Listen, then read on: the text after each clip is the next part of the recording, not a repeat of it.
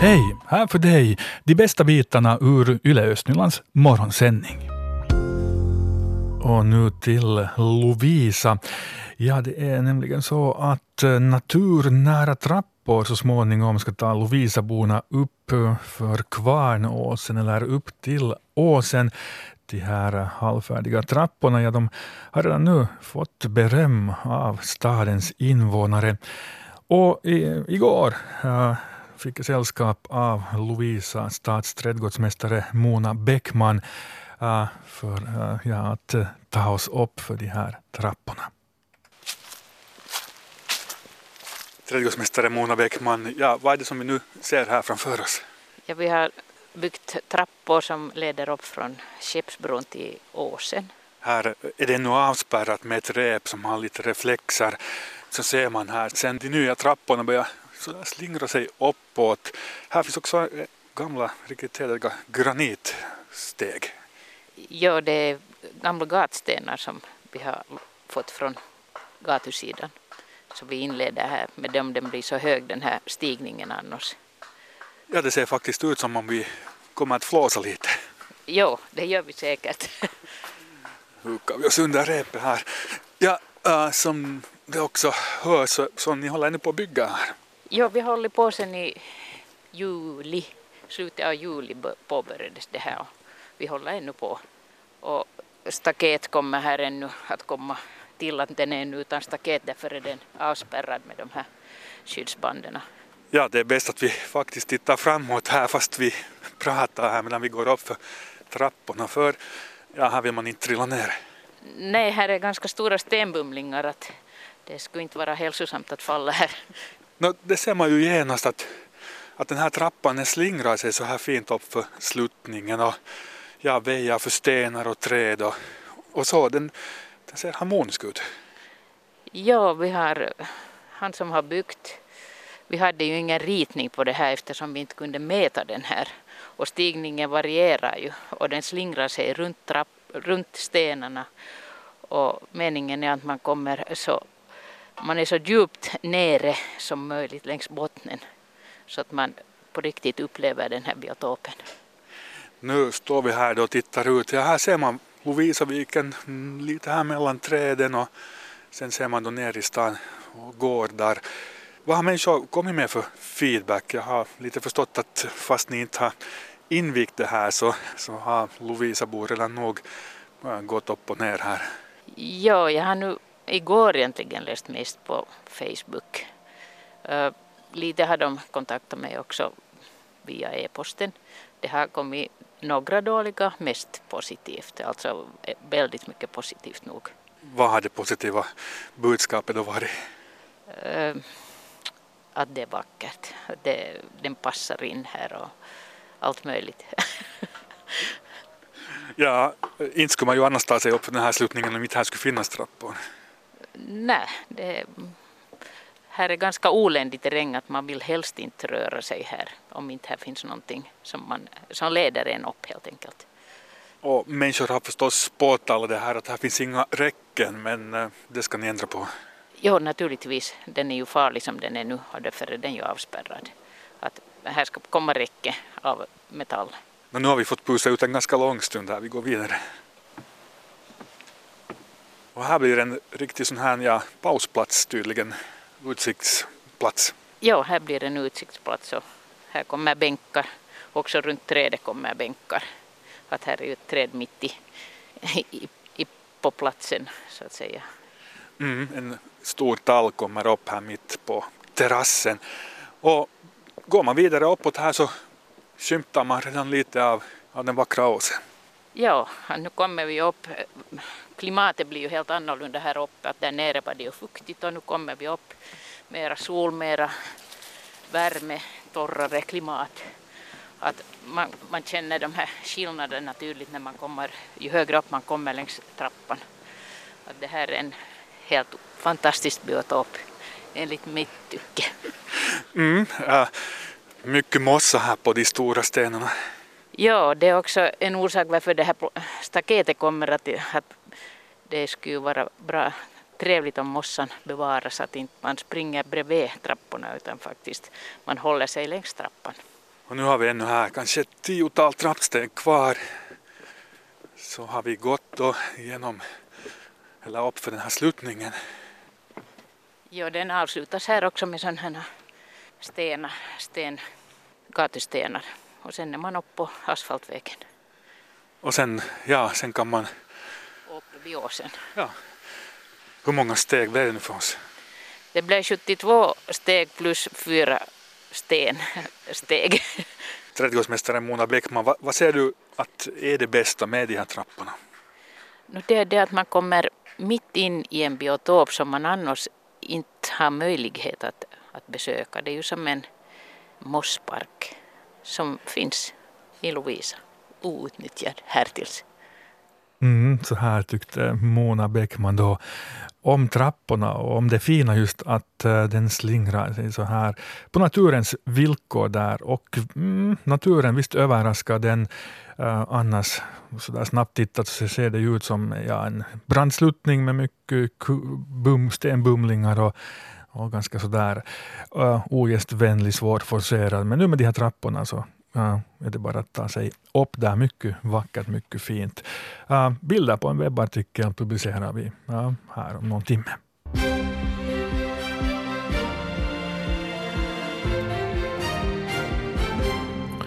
Klockan är halv åtta. Nu senaste nytt från regionen Östnyland med Stefan Härus. God morgon. Planerna på en ny idrotts eller välfärdshall i Lovisa går framåt. En arbetsgrupp jobbar på en projektplan med flera olika alternativ för var idrottshallen kunde placeras och vilka funktioner den skulle kunna ha. Idrottshallen kunde antingen byggas i Hagalund bakom idrottsplanen och skidspåret eller på bostadsmässoområdet Drottningstranden. Minimum är en idrottshall av samma storlek och med samma funktioner som den nuvarande idrottshallen. Arbetsgruppen ska också utreda alternativ som skulle ha olika funktioner som till exempel teaterlokal och café. Det är möjligt att projektet skjuts upp på grund av stadens dåliga ekonomi. Hallbygget kan vara klart allra tidigast år 2023. Tillbyggnaden vid serviceboendet Lyckan i Pärnu kyrkoby beviljas ett tilläggsanslag för nybygge på 450 000 euro. Det här beslöt Lovisa fullmäktige vid sitt möte igår. Fullmäktigeledamot Juha Karvonen, Samlingspartiet, föreslog att, att tilläggsanslag inte skulle beviljas med motiveringen att någon av stadens övriga lokaler kunde modifieras för ändamålet eller att staden kunde köpa eller hyra redan befintliga lokaler. I omröstningen vann utgångsförslaget om tilläggsfinansiering med 30 röster mot 4. Serviceboendet ska byggas där äldreboendet Hemgården tidigare fanns och står klart nästa sommar. Borgo, Kotka och Kouvola ska tillsammans satsa på internationell turism. Också Sibbo och Lovisa ska delta aktivt i åtgärderna i området. Orsaken till samarbetet är bland annat att turisterna rör sig i en region på grund av innehåll och intressanta objekt. För dem har kommungränserna ingen betydelse. Gemensamma objekt för internationell marknadsföring är tyskspråkiga Mellaneuropa och Ryssland. Det nära samarbetet fortsätter nästa år bland annat genom deltagande i ITB-mässan i Berlin. Det brann vid en sommarstuga på Lillpellinge i Borgo igår. Larmet kom lite efter sju på kvällen efter att en granne på andra sidan viken upptäckte elden. En gäststuga på 25 kvadratmeter totalförstördes men själva sommarstugan och bastubyggnaden förblev oskadda. Ägarna var inte på plats och ingen skadades. Brandorsaken är oklar vilket innebär att brandplatsen ska undersökas av polis. Och i riksnyheterna handlar det idag om läget i de överfulla flyktinglägren på grekiska öar. Läget där är miserabelt. Biståndsarbetare i lägren kräver nu att andra EU-länder omedelbart hjälper Grekland med att ta hand om de asylsökande. Och vädret i regionen idag, ökande molnighet, på många håll regnskurar, vinden är svag till måttlig och av varierande riktning och temperaturen mellan 7 och 12 grader. Nu ska vi koncentrera oss på musikformen jazz och eh, på Borgo Jazz Festival som sätter igång om lite på en vecka. Välkommen här i vår sändning Antti Ansas. Tack god morgon. God morgon. Du har haft din hand över festivalen här nu alla gånger, alla sju gånger som den hittills då uh, ordnas. Vad är det som gör att du vill vara med och ordna den? No, det är när man börjar med någonting så vet man ju inte alltid vad man ger sig in på. Så när man håller på en stund så börjar man småningom lite kanske tycka om det och sen vill man inte mera sluta för att man blir lite beroende av det. Att, att, då tror jag liksom att det, det är det som det här handlar om också, att jag har blivit introducerad till jazzmusiken via andra människor och sen småningom börjar märka att det här är en ganska fin sak och en del av Borg och jag vill också liksom se till att vi har någonting på kultursidan som står ut. Mm. Och nu kan du det här då när du har gjort det här så här många gånger. Uh, en vecka kvar till festivalstarten då på, på fredag nästa vecka. Vad allt ska du göra idag till exempel som har med festivalen att göra? No, det är mycket så här sista minutens marknadsföring som vi gör. Att jag var här till exempel igår kväll klockan 12 och lyfte upp den där banderollen där man är vägen. Att, att nu liksom finns det mycket så praktiska saker som man gör och inte, inte har vi ju liksom så mycket människor här i det här vår arrangörsgrupp att var och en får nog delta liksom aktivt. No, men, uh, hur hoppas du, uh, Borg och Bo Rösnylänningar, ska förhålla sig till en sån här festival? Uh, ibland kanske man får känslan av att det här är nu så nischat och det är för de här finsmakarna som kan utan till vem som spelar med Coltrane på den och den skivan och, och vilken av versionerna som är bättre och så vidare.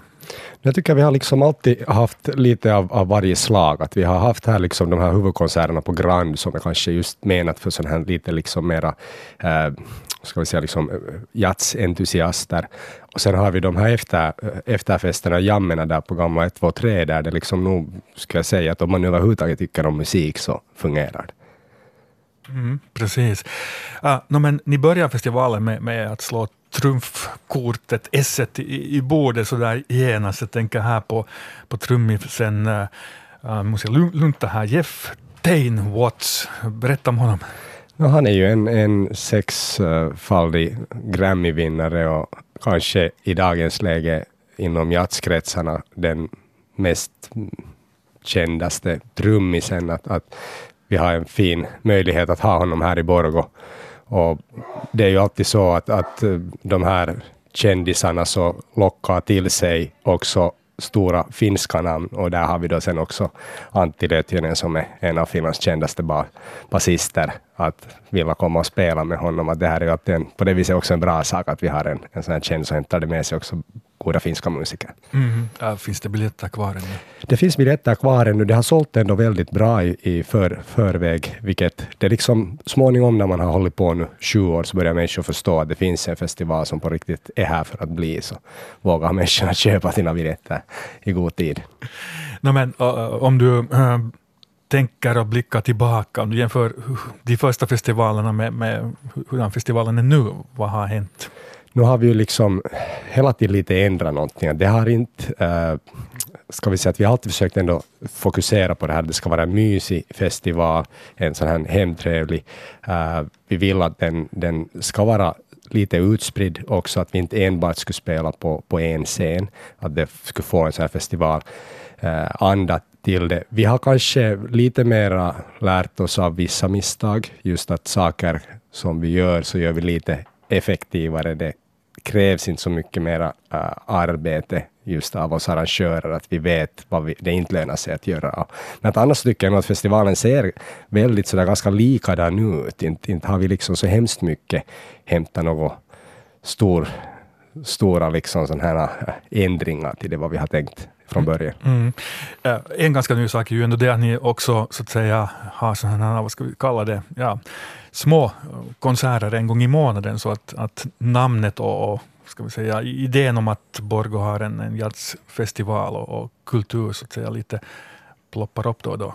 Ja, det, det är sant. Alltså, vi har försökt utvidga verksamheten nog att vi har jazzklubbar då liksom varje månad äh, med olika olika artister. Så, och, och det, där, det, det, förstås om, om då när vi började skulle vi ha vetat att, hey, att det finns en beställning för att, att ha en klubb varje månad så skulle vi kanske ha ändrat namnet till bara Borgo Jazz. Men att, men att nu liksom går vi, gör vi så här att vi får lite mera utbud också längs med året. Att det inte händer bara en gång, en gång på hösten.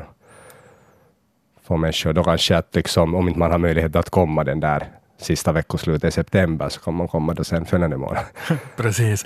No, men allra sist här Ante Ansas, uh, hur många uh, spelningar tänker du själv hinna uppleva? Jag tänkte första gången faktiskt köra igenom hela programmet. Jag har tidigare år inte haft möjlighet till det för att jag var alltid fast i någonting, men nu har jag möjlighet att gå. Jag tänker faktiskt sitta från första till sista konserten och titta allt. Vad, vad gör det åt dig och din, din själ det då?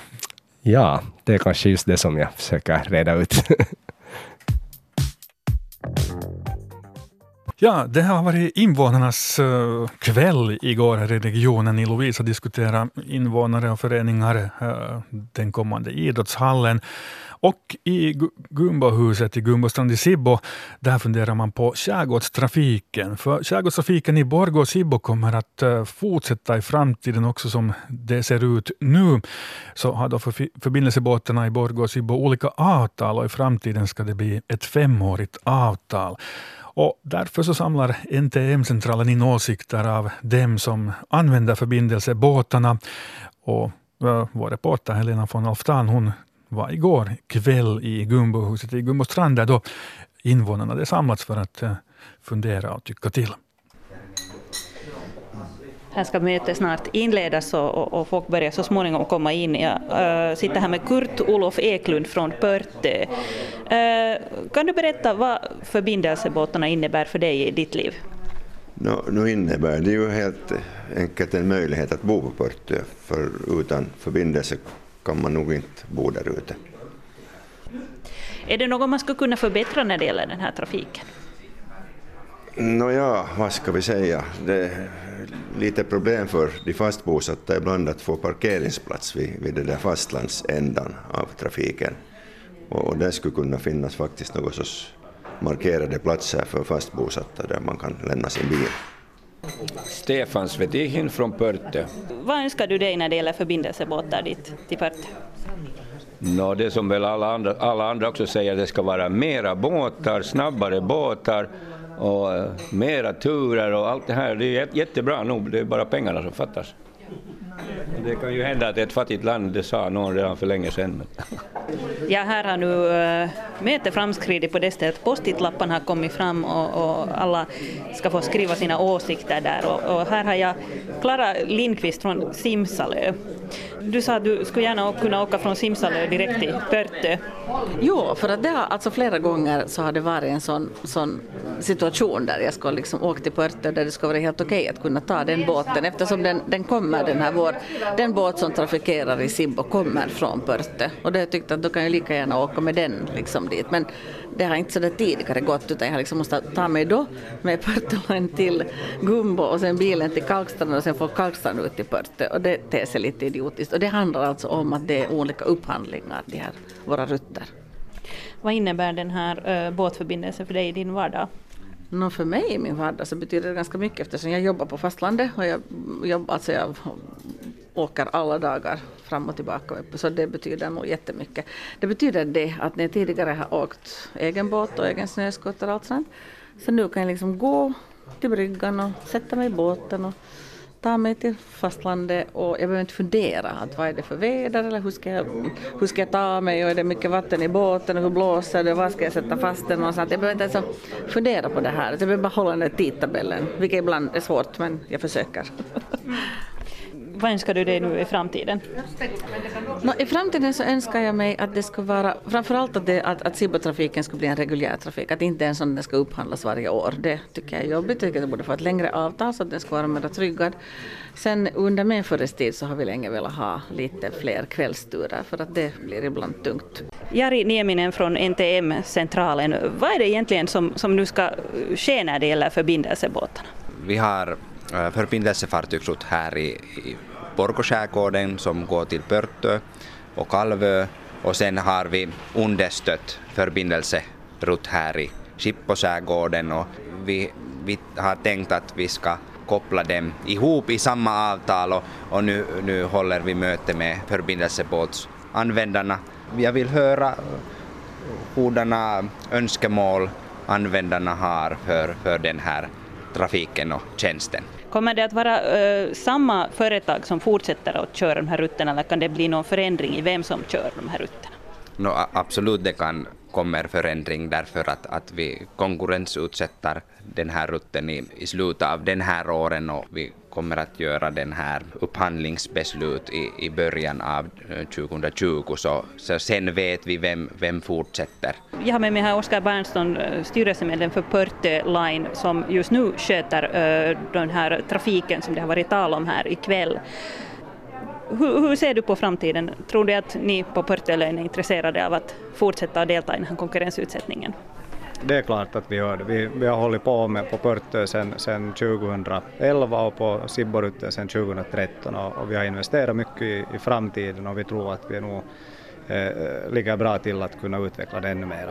Speciellt om man eh, slår ihop de här rutterna så att vi kan använda våra resurser så att det betjänar hela området på ett positivt sätt.